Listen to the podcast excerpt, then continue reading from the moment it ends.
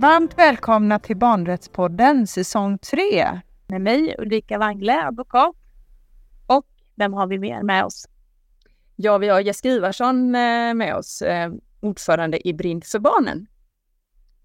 Ja, och idag så har vi också med oss gäster. Jag tänker att vi börjar med dig, Rebecka. Välkommen! Men tack! Tack så hemskt mycket för att jag får vara med igen. Igen, ja så. Mm. Och vi har också en återkommande gäst. Välkommen till dig, Mikael. Tack så jättemycket. Ni kan väl berätta lite vad ni eh, gör också om dagarna. Eh, Mikael, vem är du och vad gör du? ja, jag är, enhetschef på Jämställdhetsmyndigheten och särskilt ansvar för, för olika uppdrag som gäller våld mot barn och hedersrelaterat våld och förtryck.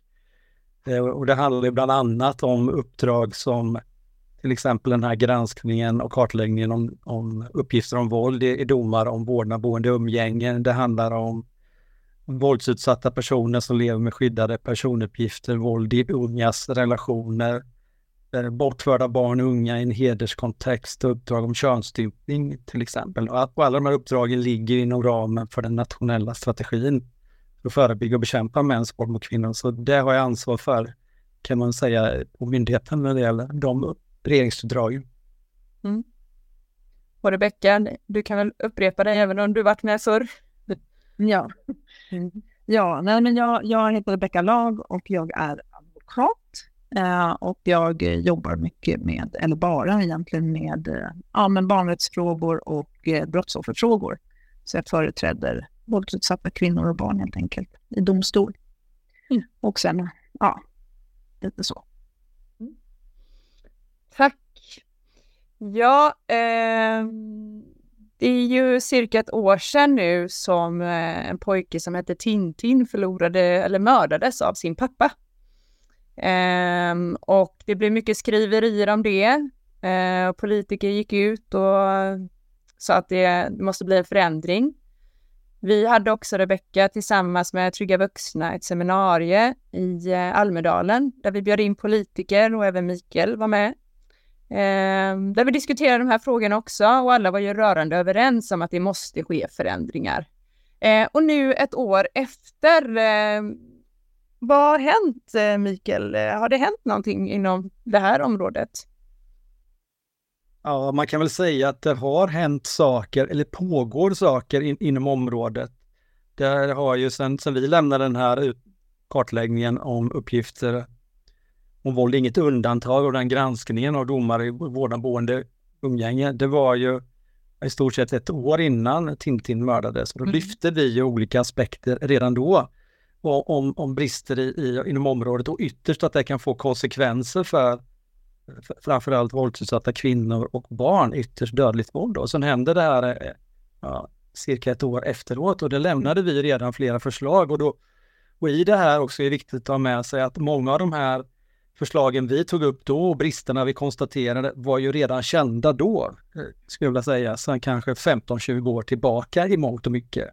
Mm. Eh, så det har ju inte hänt så mycket som borde ha hänt redan innan Sen vi lämnade den här rapporten så har det tillsatts och, och genomförts också flera utredningar inom området. Tryggare hem för barn, till exempel en nationell strategi för våld mot barn, för att nämna några som har kommit här på senare tid. Mm. Eh, de liksom har ju också varit ute på remiss, en del ute på remiss nu. Eh, många har ju lyft frågorna som du nämnde på det här seminariet, att alla är överens om att det finns stora brister numera. Liksom, det här har ju lyfts från forskning och från organisationer länge och även politiken. Men men det har inte hänt så mycket i praktiken sen. Vi lämnade ju som sagt var flera förslag då. Vi har ju haft ett fortsatt uppdrag nu eh, under det senaste året också med att sprida kunskaper om erfarenheter från granskningen till domstolar. Då har vi också bland annat träffat alla hovrätter och hälften av alla tingsrätter och lämnat mm. också en rapport och förslag om, om fortsatta eh, förändringar som måste genomföras som vi ser det.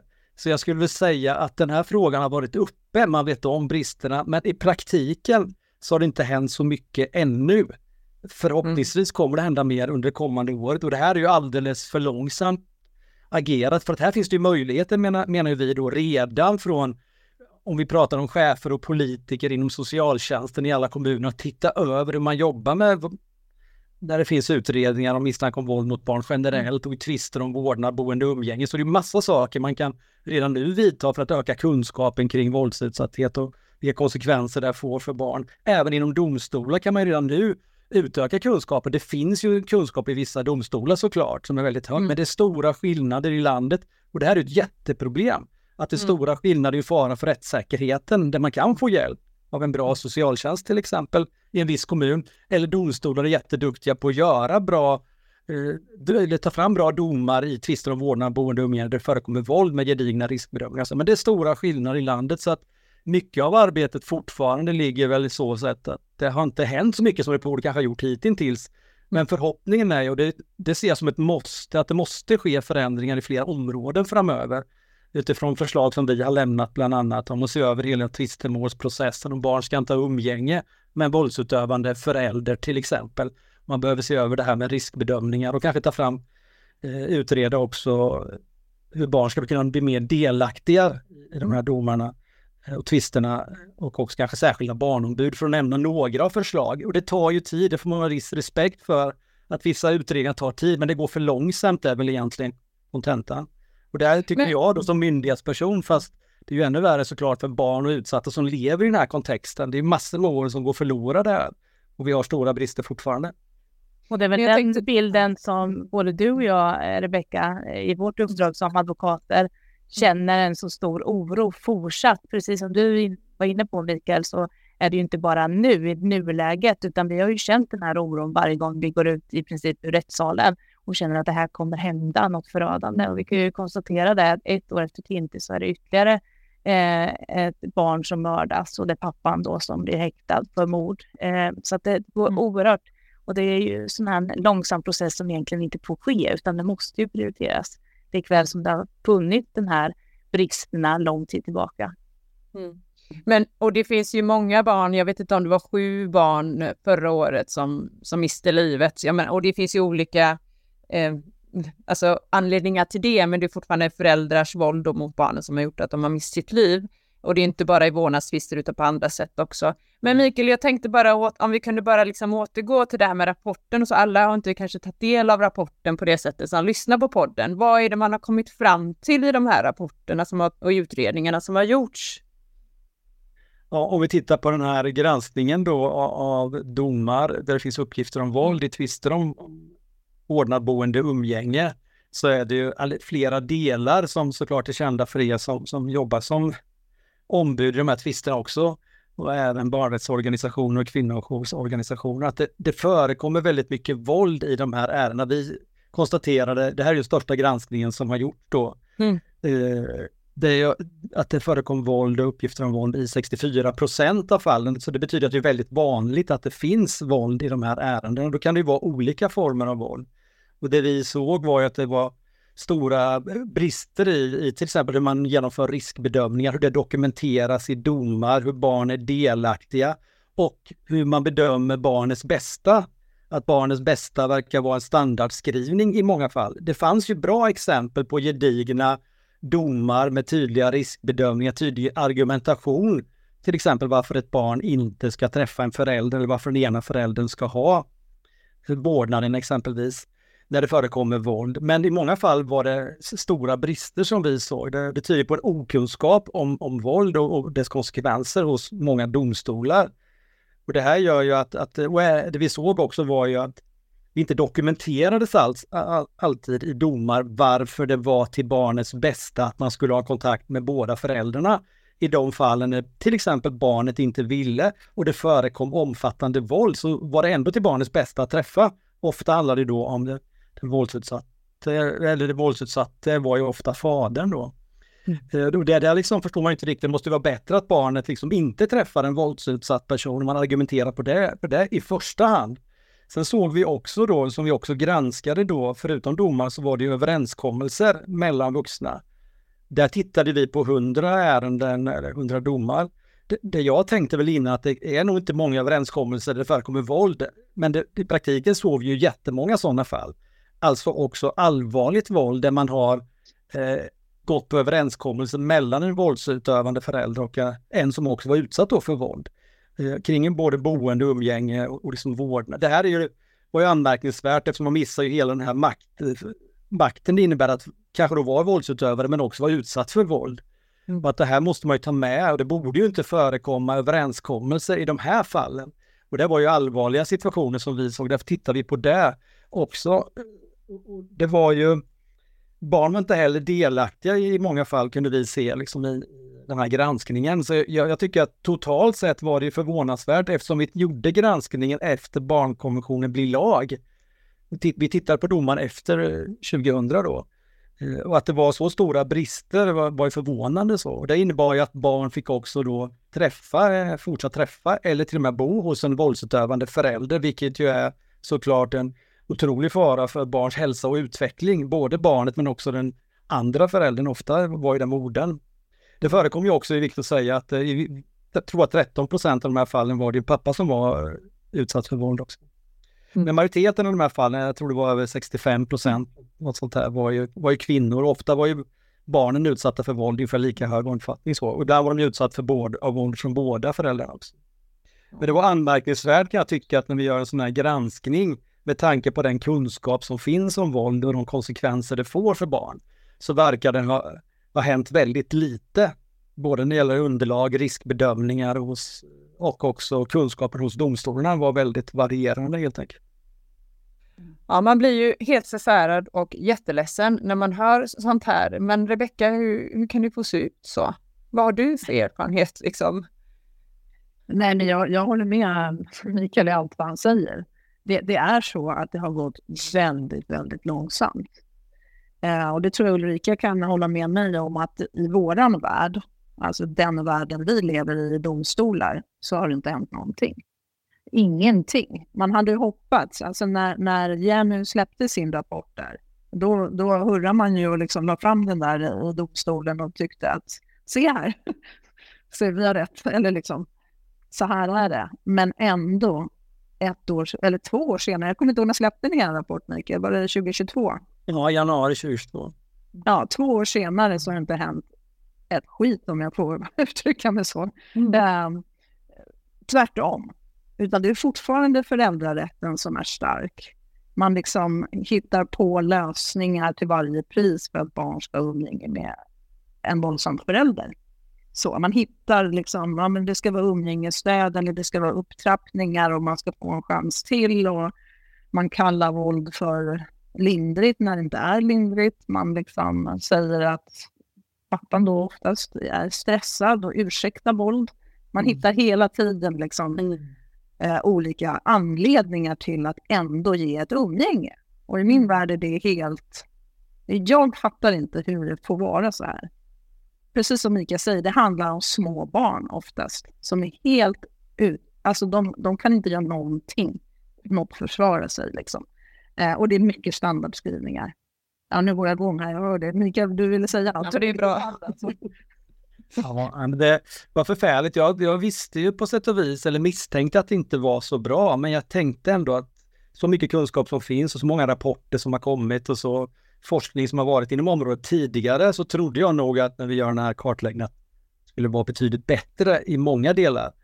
Och en del som du är inne på, det var det jag tänkte bara kommentera också som jag glömde nämna där, det är ju att kunskapen om våld är låg, vilket gör också att det omskrivs i domar och annat. Alltså det, det framställs som att det är samarbetssvårighet, vilket det såklart kan vara i vissa ärenden, absolut, men våld som finns och dokumenterat och redogjort för tidigare i ganska stor omfattning görs om till samarbetssvårigheter. Och det som var förvånande också var ju att våld är ju inte samarbetssvårigheter.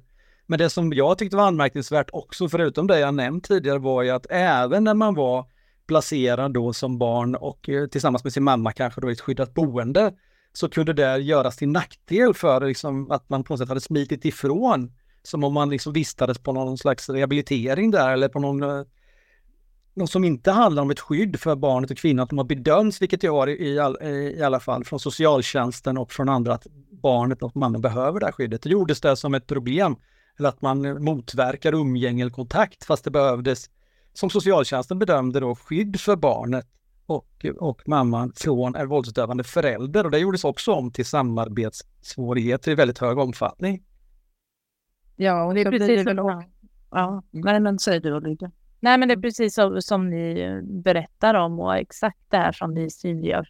Precis som du säger Rebecka så vet jag också att vi delar en bestämd uppfattning att det i princip är ju omöjligt för barn att komma till tals.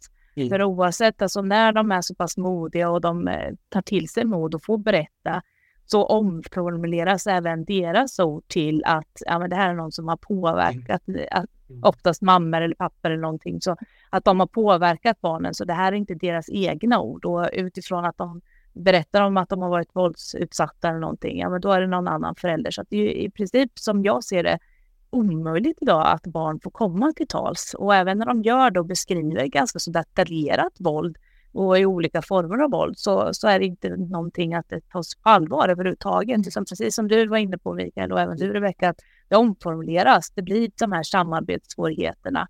Och det jag kan se nu under senaste tiden, fast det är uppmärksammat så mycket nu och man tycker att det här sker, ska ske en förändring så är det min uppfattning att snarare det att det är fler föräldrar som har påvisat de här bristerna och den här oron och allting så riskerar man ju att förlora vårdnaden.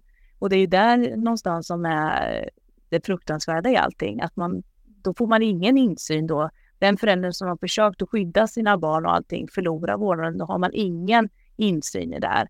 Och nu kan vi också se att det är barn som kanske kom, kommit upp lite i åldrar, eller i vart fall kanske närmaste 15-årsgränsen där i alla fall, som vägrar att bo hos den föräldern som är våldsutsatt. Och istället då så går man in från socialtjänstens sida och ansöker om ett LVU. Och då kan man ju fråga sig hur, hur barnen mår i detta istället för att vara hos den förälder som skyddar dem. Eh, så att där ser jag en större oro för i dagsläget än att man har gjort en, alltså mer kommit framåt i läget och eh, försöka hitta ett skydd för barnen idag. Mm. Jag menar, jag tar du säger det. Mm.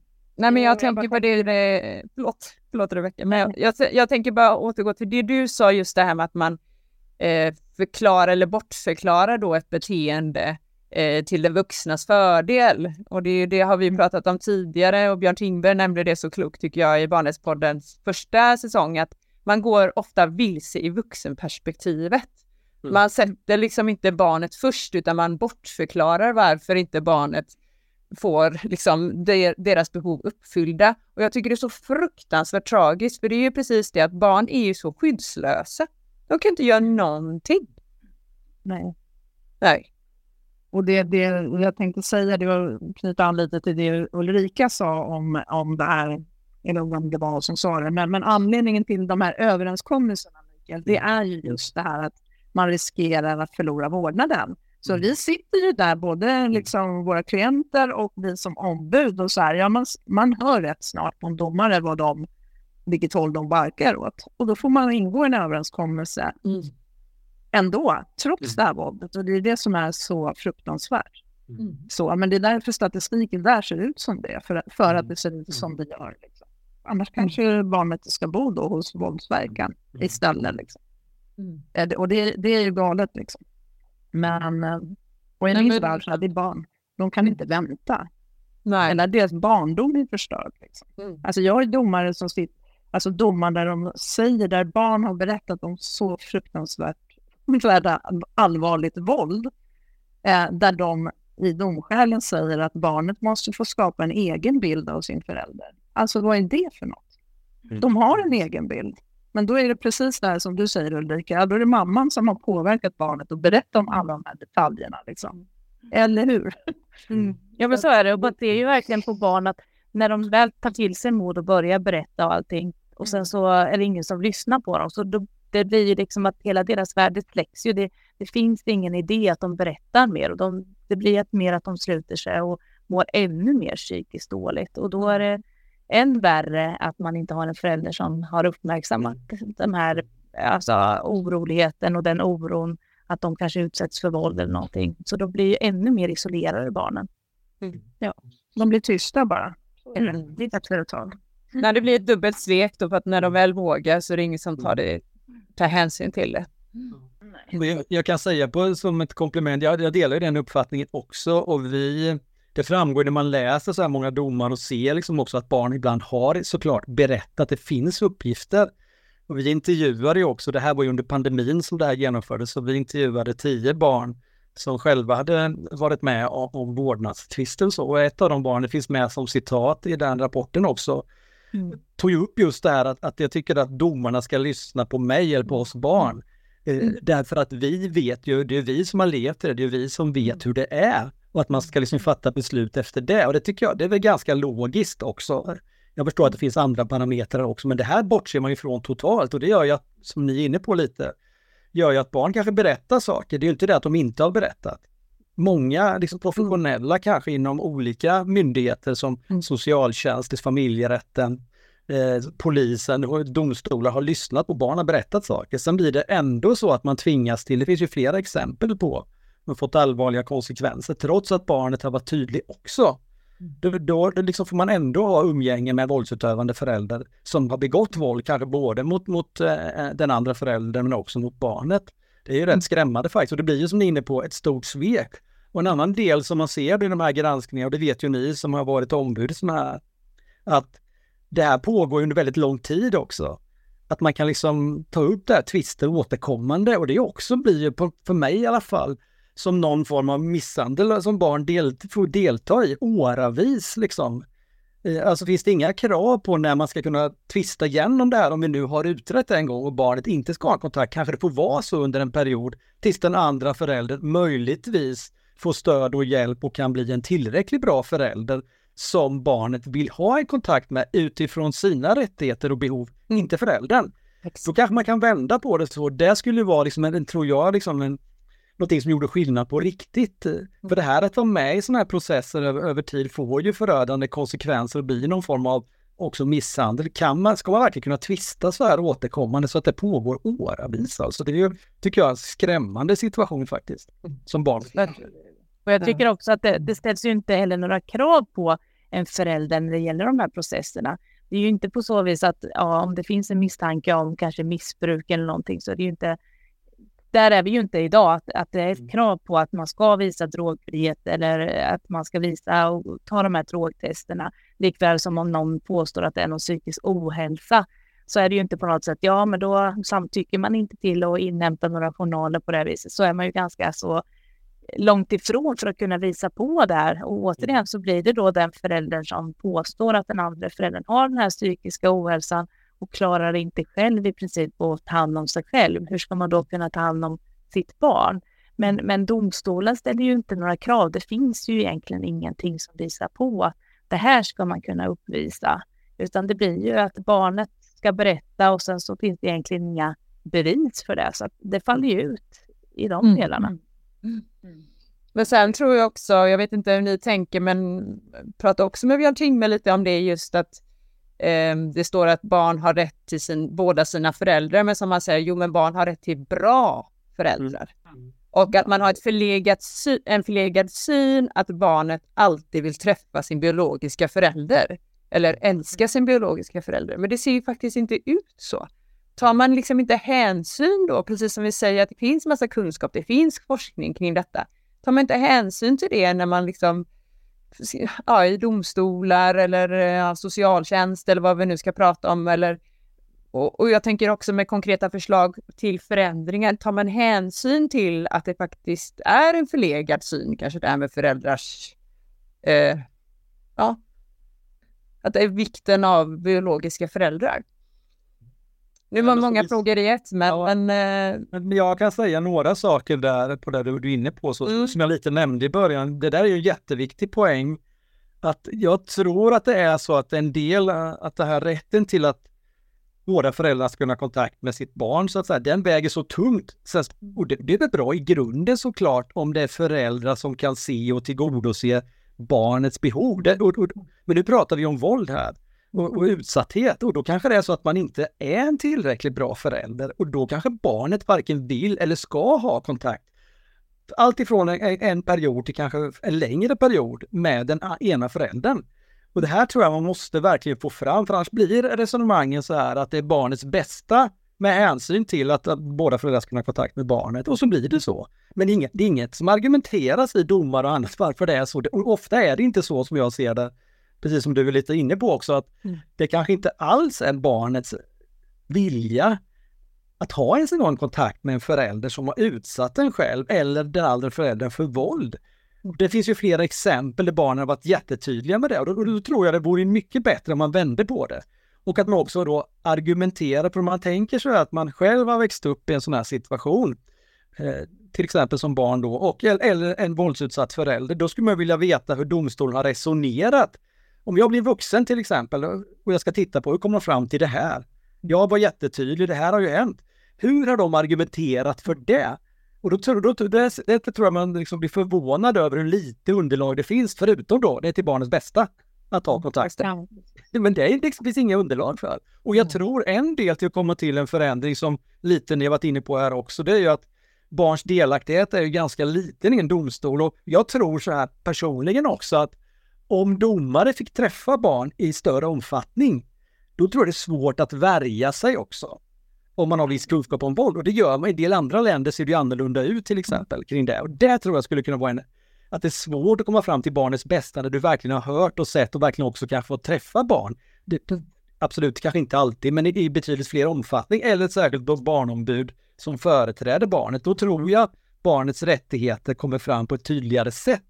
Och då kan man inte skriva sådana domar som man delvis gör nu på väldigt lösa grunder och som grundar sig i kanske okunskap också om mm. barns behov och det där, det där är, blir ju väldigt tydligt utifrån de här processerna. För det är ju, om man jämför parallellerna när man tittar på brottmål eller vi som sitter och företräder många mm. barn, då är fokuset i princip att barnet ska komma till tals. Man har barnahus, man har en samverkan. Det är socialtjänst, det är åklagare, det är polis, det är liksom eh, psykologer som sitter med och där blir ju delaktigheten för barnet eh, den största delen. Och när man väl kommer till domstol så, så är det ju att man lyssnar på alla parter, både den som är misstänkt och den som är målsägare. Likväl som man har LVU-processerna så väger det ju väldigt tungt när barnet ändå, ja, barnets företrädare lägger fram de uppgifterna. Men i de här processerna när det gäller vårdnad, boende och umgänge, då, då försvinner ju som ni säger den delaktigheten för barnen och man fokuserar mer på föräldrarna. Och det är där jag tror att domaren eh, skulle komma mer eh, fokus på om det fanns ett barnombud också mm. som kunde bara mm. följa med i den här processen och kunna mm. informera barnet. Och många säger så här, men man ska inte dra in barnen, bli mer delaktiga och hamna mer inom den här konflikten. Men de är ju redan involverade utifrån barnsamtalen och socialtjänsten. Så hade det varit ett barnombud som är mer specialiserad och liksom kan redogöra för barnens uppgifter och följa upp allting och informera så skulle du säkerställa de här processerna. Mm. Ja, jag tänker också att alltså en familjerätt ska ju... Alltså ett barnombud skulle företräda barnet. Mm. Det är det som är skillnaden. En familjerätt ska ju på något sätt höra alla och ska, vill alltid vara neutrala och inte ta ställning och så medan ett ombud tar ställning för mm. barnet. Sen kan det ibland, i LVU-processen kan man ju ibland gå emot vad barnet vill också. Mm. För att, alltså så att jag tänker att samma ombud som i en LVU-process till barn i vårdnadsmål skulle ge stor skillnad. Och att domaren dessutom måste träffa barnet. Så både och tänker jag vore väldigt bra. Mm. Men, men jag tror ju också faktiskt att man behöver skriva in att alltså i lagstiftningen att det ska inte vara något umgänge, att det ska vara en presumtion för inget umgänge när det har varit våld eller missbruk eller andra liksom, mm. allvarliga riskfaktorer. Mm. Att det är det enda som hjälper för att vi har haft den här lagstiftningen jättelänge, det har inte hänt någonting. Mm. Och den delen delar jag också helt med, med dig Rebecka där att eh, här fanns det tillfällen med den utredningen som gjordes som just skulle titta på den här delen. Och här tyckte jag det varit ett jättebra tillfälle, med, inte minst med anledning av den kunskap som finns och forskning och den kartläggning vi hade gjort då om, om domar. Att kanske då skriva fram tydligare att det finns särskilda fall där det kanske inte skulle vara ett umgänge överhuvudtaget. Exempelvis skulle det kunna vara situationer där, där en förälder har dödat den andra föräldern till exempel. Det skulle kunna vara när någon behöver vistas på skyddat boende eller det finns allvarliga omfattande våld som har förekommit. För, för att ta några exempel som skulle kunna regleras på tydligare sätt. I de fallen är det inte aktuellt liksom att barn ska ha ett umgänge. Sen kan det ju förändras över tid om någonting uppstår till exempel när det gäller ja, kanske om det är psykisk ohälsa eller missbruk som på något sätt förändras som gör att man har en bättre förmåga att ha kontakt med ett barn och barnet vill det på sikt. Men då utgår det mm. ifrån barnet. Så, mm. och där, jag tycker att vi pratar mycket om barnets bästa, lagkonvention, eller barnkonventionen är lag sedan några år tillbaka. Men i praktiken står vi och stampar fortfarande. Mm. Trots den stora kunskap, alltså vi behöver inte veta mer egentligen Nej. om barn, vilka konsekvenser det får. Utan det handlar ju om att omsätta saker i praktiken. Det här kan ju vara en del. Hade man då skrivit fram då, apropå det här att det tar tid, hade den utredningen kommit fram till det här som vi lite pratar om nu, då hade det varit på gång tror jag. Men nu eftersom det inte är föreslaget, men de har fått ganska mycket kritik från olika myndigheter och organisationer kring just den delen av umgänge, då kommer det, den processen att skjutas fram tror jag, för det bereds ju hos regeringen så att säga, remissvaren. Men det kan innebära att man behöver tillsätta någon ny utredning eller kompletterande del just i den delen, möjligtvis. Och detsamma är det som det här med barnombud som vi lyfter och ni har lyft och flera andra genom åren. Det har också utretts tidigare och kommit fram förslag. Men det har ju inte blivit verklighet. Men om man ska komma framåt bör man åtminstone titta på det och kanske till och med börja omsätta, pröva en sån reform. Det är ju en del, det tar ju lite tid, men ju längre du skjuter fram det, ju längre kommer du ta innan du kommer dit än. Och detsamma är ju som vi har föreslagit där, som vi tror är en viktig del.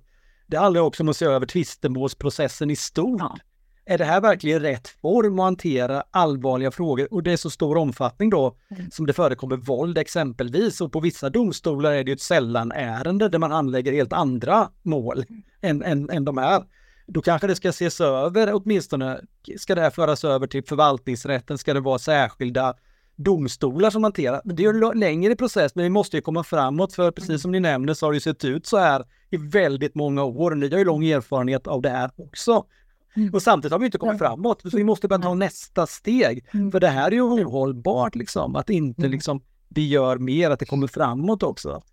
Inte minst för de barnen som lever i våld, liksom. De har ju rätt att få ett, ett liv och uppväxt fri från våld. Och då det man kan utifrån tycka, alltså när man kanske inte är så insatt då när man pratar kanske med folk runt omkring just att ingen kan ju förstå att det verkligen ser ut som det gör. Man tycker ju att det är häpnadsväckande att en förälder som har dödat en annan förälder ska överhuvudtaget få träffa eller ett barn som varit utsatt för grovt våld måste mm. träffa den förälder som har utsatt dem. Alltså det låter ju helt ologiskt när man, mm. om man bara liksom hör om detta. Eh, men vad ligger det för förslag på bordet idag då Mikael? Vad, vad är det som de behöver ta beslut på? Och när, när tror vi kommer se någon förändring? Det, det pågår, jag, jag, kan ta några delar då mm. som handlar om området i stort. Dels finns det ett förslag om, om en ny nationell strategi för våld mot barn. Men den, det kommer ju ta tid, den har varit ute på remiss och den ska ju säkerställa egentligen att barn ska få en uppväxt fri från våld. Den involverar ju mycket större om för alla delar som handlar om, om våld, inte bara i tvister om vårdnad, boende och umgänge såklart.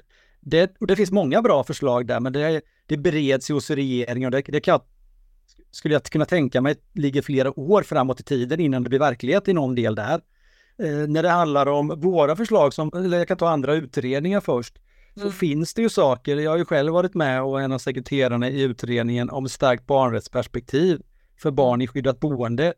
Den, den lämnade vi till dåvarande jämställdhetsministern för, för sju år sedan. Det blir ju verklighet med några delar där om särskild tillståndsplikt och starkt liksom, man ska jobba med de här frågorna när det gäller barns rättigheter i skolgång, hälso och sjukvård. Och där finns det till exempel inom den delen finns det förslag nu som kommer att bli verklighet eh, april som handlar om att i vissa, om, vissa omständigheter där kan man eh, besluta om att det inte ska vara ett umgänge med en våldsdövande förälder eh, och att man kan hemlighålla vistelseadress till exempel. Det här är tanken att barns rättigheter de ska inte bara vara medföljande till en våldsatt förälder, de ska få det stöd, hjälp och skydd de kan behöva. Det kan ju vara allt ifrån en stödkontakt till omfattande insatser inom, ah, säg socialtjänst eller hälso och sjukvården. Och rätten till skolgång och allt det här ska ju säkerställas på ett bättre sätt.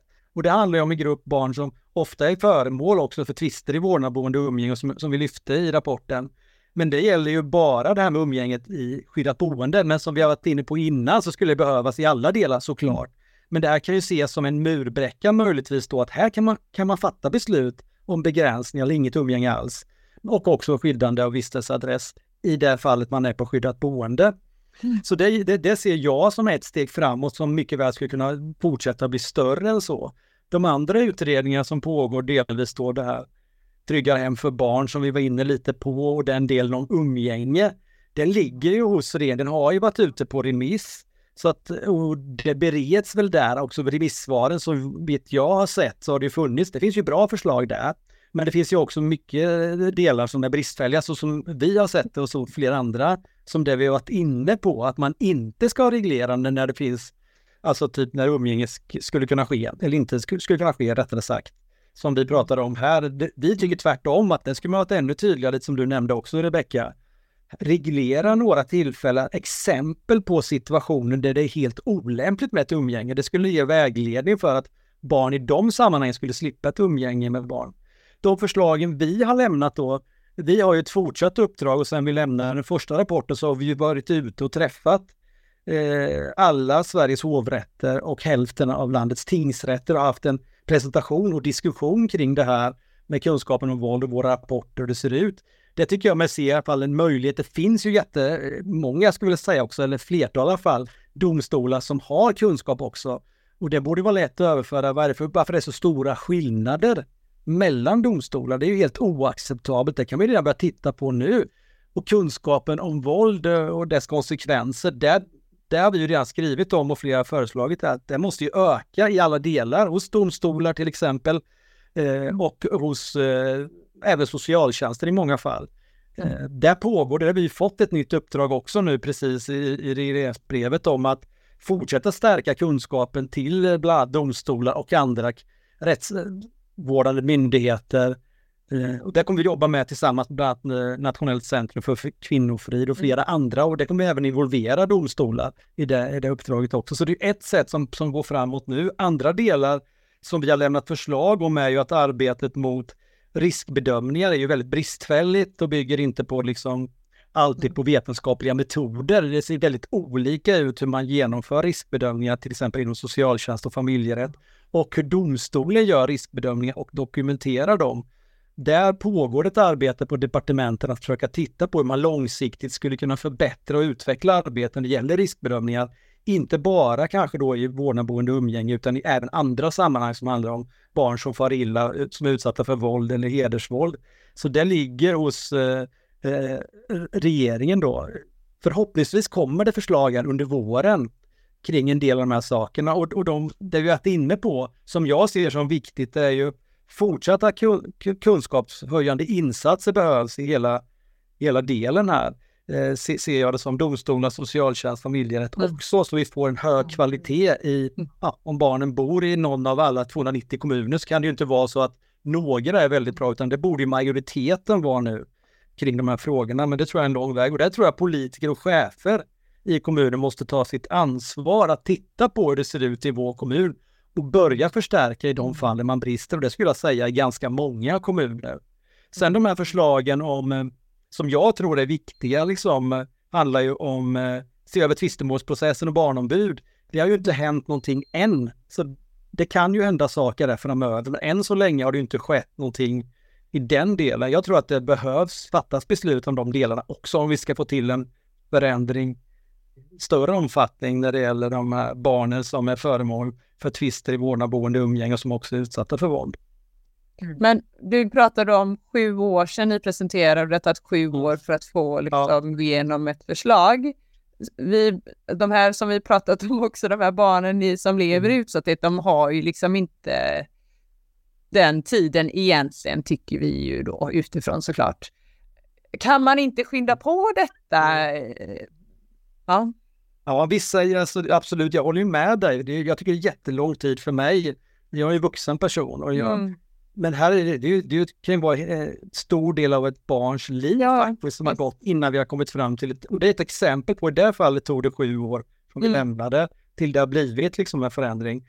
Och de här frågorna som rör vårdnad, boende, umgänge, nu har det gått mer än två år sedan vi lämnade den här mm största granskningen någonsin och som går i linje med vad ni ser som jobbar med de här frågorna mm. på olika sätt eh, som företrädare och organisationer. Mm. Eh, det, har, det har säkert gått 15-20 år som man börjar lyfta de här frågorna i olika sammanhang från organisationer och eh, forskare, skulle jag vilja säga.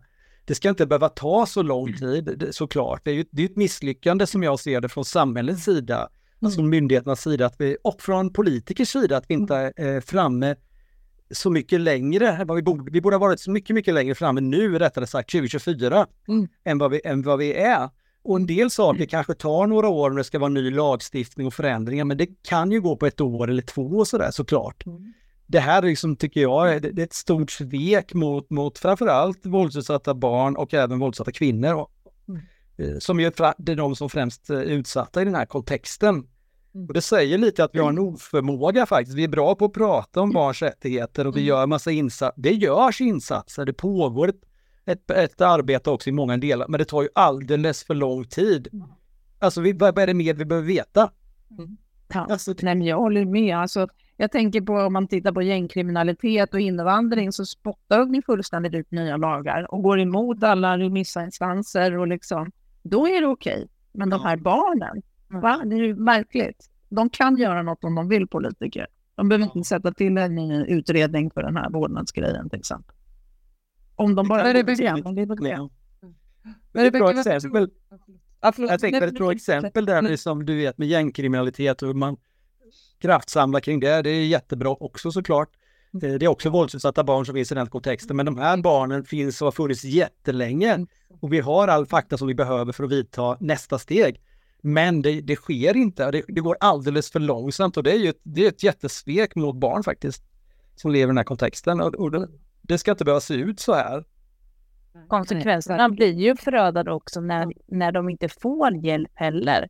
Så blir det ju på så vis att den psykiska ohälsan blir ju värre och det är längre köer till BUP och eh, ja, det är egentligen inte någon som fångar upp dem så att det kan ju leda också till kriminalitet och psykisk ohälsa. Så att tittar man på de delarna så borde man ju börja prioritera nu eh, och att eh, göra någonting, förändringar i det. Men det är precis som att när det är ja, som Tintin, då vill man i princip kanske få ja, ta till sig röster och visa på att vi har gjort det här och allting och vi kommer göra det här och man vill få medialt eh, ja, utrymme. Och sen är det precis som det är bortblåst. Alltså det är ganska påtagligt när Tintins mamma berättar att jag har ju berättat om det här hur länge som helst, mm. allting, men det var ingen som lyssnade på mig då. Och nu när allting är för sent, när den här tragedin är ett faktum, då vill alla hjälpa till om man ska lyssna på och sen så går det ett år till och så blir det ytterligare ett mord. Eh, så mm. det kommer ju bara ske det här och fortfarande så är det ju både du, för mig och dig Rebecka så känner vi den här fortsatta oron att det här är inte sista gången, det här kommer ske igen. Mm. Ja, det är bara frågan om när, men jag, jag, måste bara fråga Ulrika och Rebecka, eh, alltså ni måste vara så frustrerade när ni liksom jobbar i de här processerna och ni ser att det har inte hänt någonting och det händer ingenting och så lovas det massor och det blir jättestort och sen så blir det helt tyst och så får ni leva i den här vardagen. Och visst, vi vuxna som sagt, de här barnen får ju leva i det hela tiden eh, och vi kan inte skydda dem. Alltså hur, Rebecka, hur, hur tänker du i ditt dagliga arbete liksom? Hur, jag ja. ja, bra fråga. Nej, men jag är förbannad. Det mm. bryr mig. Så. Alltså, jag måste göra vad jag kan och jag gör vad jag kan i en domstol. Mm. Jag lyfter mm. våldet. Jag, jag mm. försöker utbilda dem i mina pläderingar eh, och jag tar in barnperspektivet. Och, alltså, ibland går det, ibland går det inte. Liksom. Mm. Men det är klart, man arg är man ständigt i det här mm. jobbet för att det ser ut som det gör. Och när man får domare eller för den delen familjerätt tycker jag. Jag tycker inte att familjerätten är särskilt mycket bättre faktiskt. Det finns alltid undantag givetvis. Men överlag så tycker jag både socialtjänst och familjerätt också är rätt kast på våld. De förstår inte. Och det, det är frustrerande när man sitter där och, och liksom ska behöva gaffla om att folk tar in på skyddat boende för att det är kul. Eller att barn ja inte vet jag, alltså när man förminskar våld. Man, man blir frustrerad och arg, mm. men det är också det som driver vidare, gör att man orkar. Liksom. Och men också de månader som går bra. Mm. Så. Vad skulle du vilja se för förändring? Ja. Nej, men jag, jag tänker, jag, jag ansluter lite till vad du säger mm. Rebecka. Alltså, att har man ändå att man lyfter det här så finns det ju ändå med utifrån, även om det är mm. väldigt kortfattat kanske att den föräldern påstår det här, men då har man ändå lyft det här. Det visar ändå på mm. att den här risken har funnits. Sen när det kommer tillbaka ytterligare ett år efter om man är i en process så kan man påvisa det här. Men det, är ju, det gäller ju att man är som ombud driven och orädd. För många gånger så är det ju att, när, precis som du säger Rebecka, man kommer in i den här första processen, en muntlig förberedelse och det doma, domaren i princip har beslutat sig för att nej, men här ska vi komma överens. Det är inte, det är inte på något vis så. Och man tycker att man har väldigt många uppgifter som påvisar ett väldigt allvarligt läge för ett barn i princip. Men ändå så vill man försöka nå en överenskommelse. Så det gäller ju att, att vara ganska tuff och stå fast vid det och visa på eh, att det kör. Men sen är det ju, man ser ju också att konsekvenserna kan ju bli förödande. Det kan ju gå bra i ena liksom, tingsrätten och så kanske kan man ibland få ett PT och det går helt emot och det är liksom förödande konsekvenser också. Mm. Ja. ja. Men vad ser ni för förändringar? Alltså Rebecka, vad, vad vill du se för förändringar nu? Nej, men jag vill ha lagstiftning som talar om att man inte får, man ska inte ha umgänge i huvudregel om det har varit våld. Det, så svårt kan det inte vara. Och jag tror inte att någon tycker att det är bra för barn att vara våldsutsatta egentligen. Så det är inte svårt. Jag fattar inte vad det är som är så svårt, ärligt talat. Mm. Jag tror, vem tycker det egentligen? Att barn ska leva i våldsutsatthet? Alltså, det, vad, alltså det måste man kan bli... undra, vad är det liksom? Och det måste bli tydligt, vad är barns bästa? Det är precis som ni båda varit inne på, man gömmer sig bakom den här formuleringen. Det är barns bästa, men, ja, men skriv och utveckla och grunda det här antagandet. Vad, vad grundar ni det på? Precis som du säger, det skulle vara att de här, det här och det här, det här är liksom, det, då ska det inte vara något umgänge. då kan man förhålla sig till det. Jag tror att det är det enda sättet faktiskt, för domstolar har haft de här, att, alltså de här att, um, riskfaktorerna man ska titta på i så många år nu. Så svårt är det inte, det står i lagen. Mm. Och ändå så kan man inte döma så. Så hur ska den nya lagstiftningen som tar bort, i och för sig båda då, både skyddsfaktorerna och eh, behovet av båda föräldrar och ska göra en helhetsbedömning. Hur ska det bli bättre? Jag fattar inte det. Mm. Alltså, varför tror man att det ska bli bättre när de har misslyckats för 20 år redan? Mm. Alltså det är helt, för mig helt vansinnigt. Mm. Alltså jag blir upprörd bara jag tänker på det. Men, ja. Nej, men det, det är tråkigt. Man, man gömmer sig under massa standardformuleringar och barnets bästa och pratar väldigt mycket om barns rättigheter som du var inne på Mikael. Man, man låter, man ska göra massa saker, barn ska vara egna rättighetsbärare och bla bla, men det händer ingenting.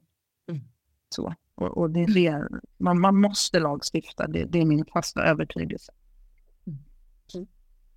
Mm. Ja, nu har vi pratat länge och man skulle kunna prata hur länge till som helst känner jag i det här eh, ämnet. Men vi återkommer ju sen i Almedalen också med vårt seminarium där vi har en, eh, en eh, återkoppling från vårt första seminarium Vad ett barns liv värt. Så då har vi också bjudit in politiker så det hoppas vi att vi får till och hoppas Mikael är med då också. Eh, men tusen, tusen tack för att ni tog er tid till detta. Eh, nu hoppas jag att 2024 verkligen eh, blir ett barn. barnrättsår där vi ser ja, verkliga förändringar. Ja, tack så mycket för att ni var med. Ja, tusen, tusen tack. tack.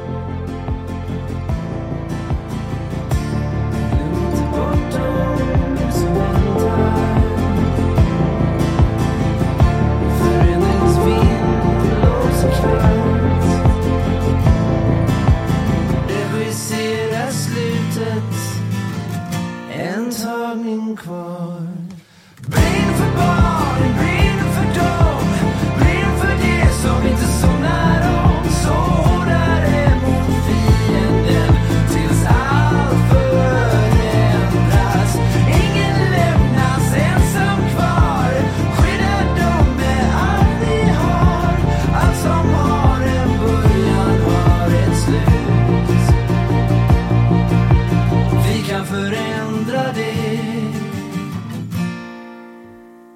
Som en gång var förut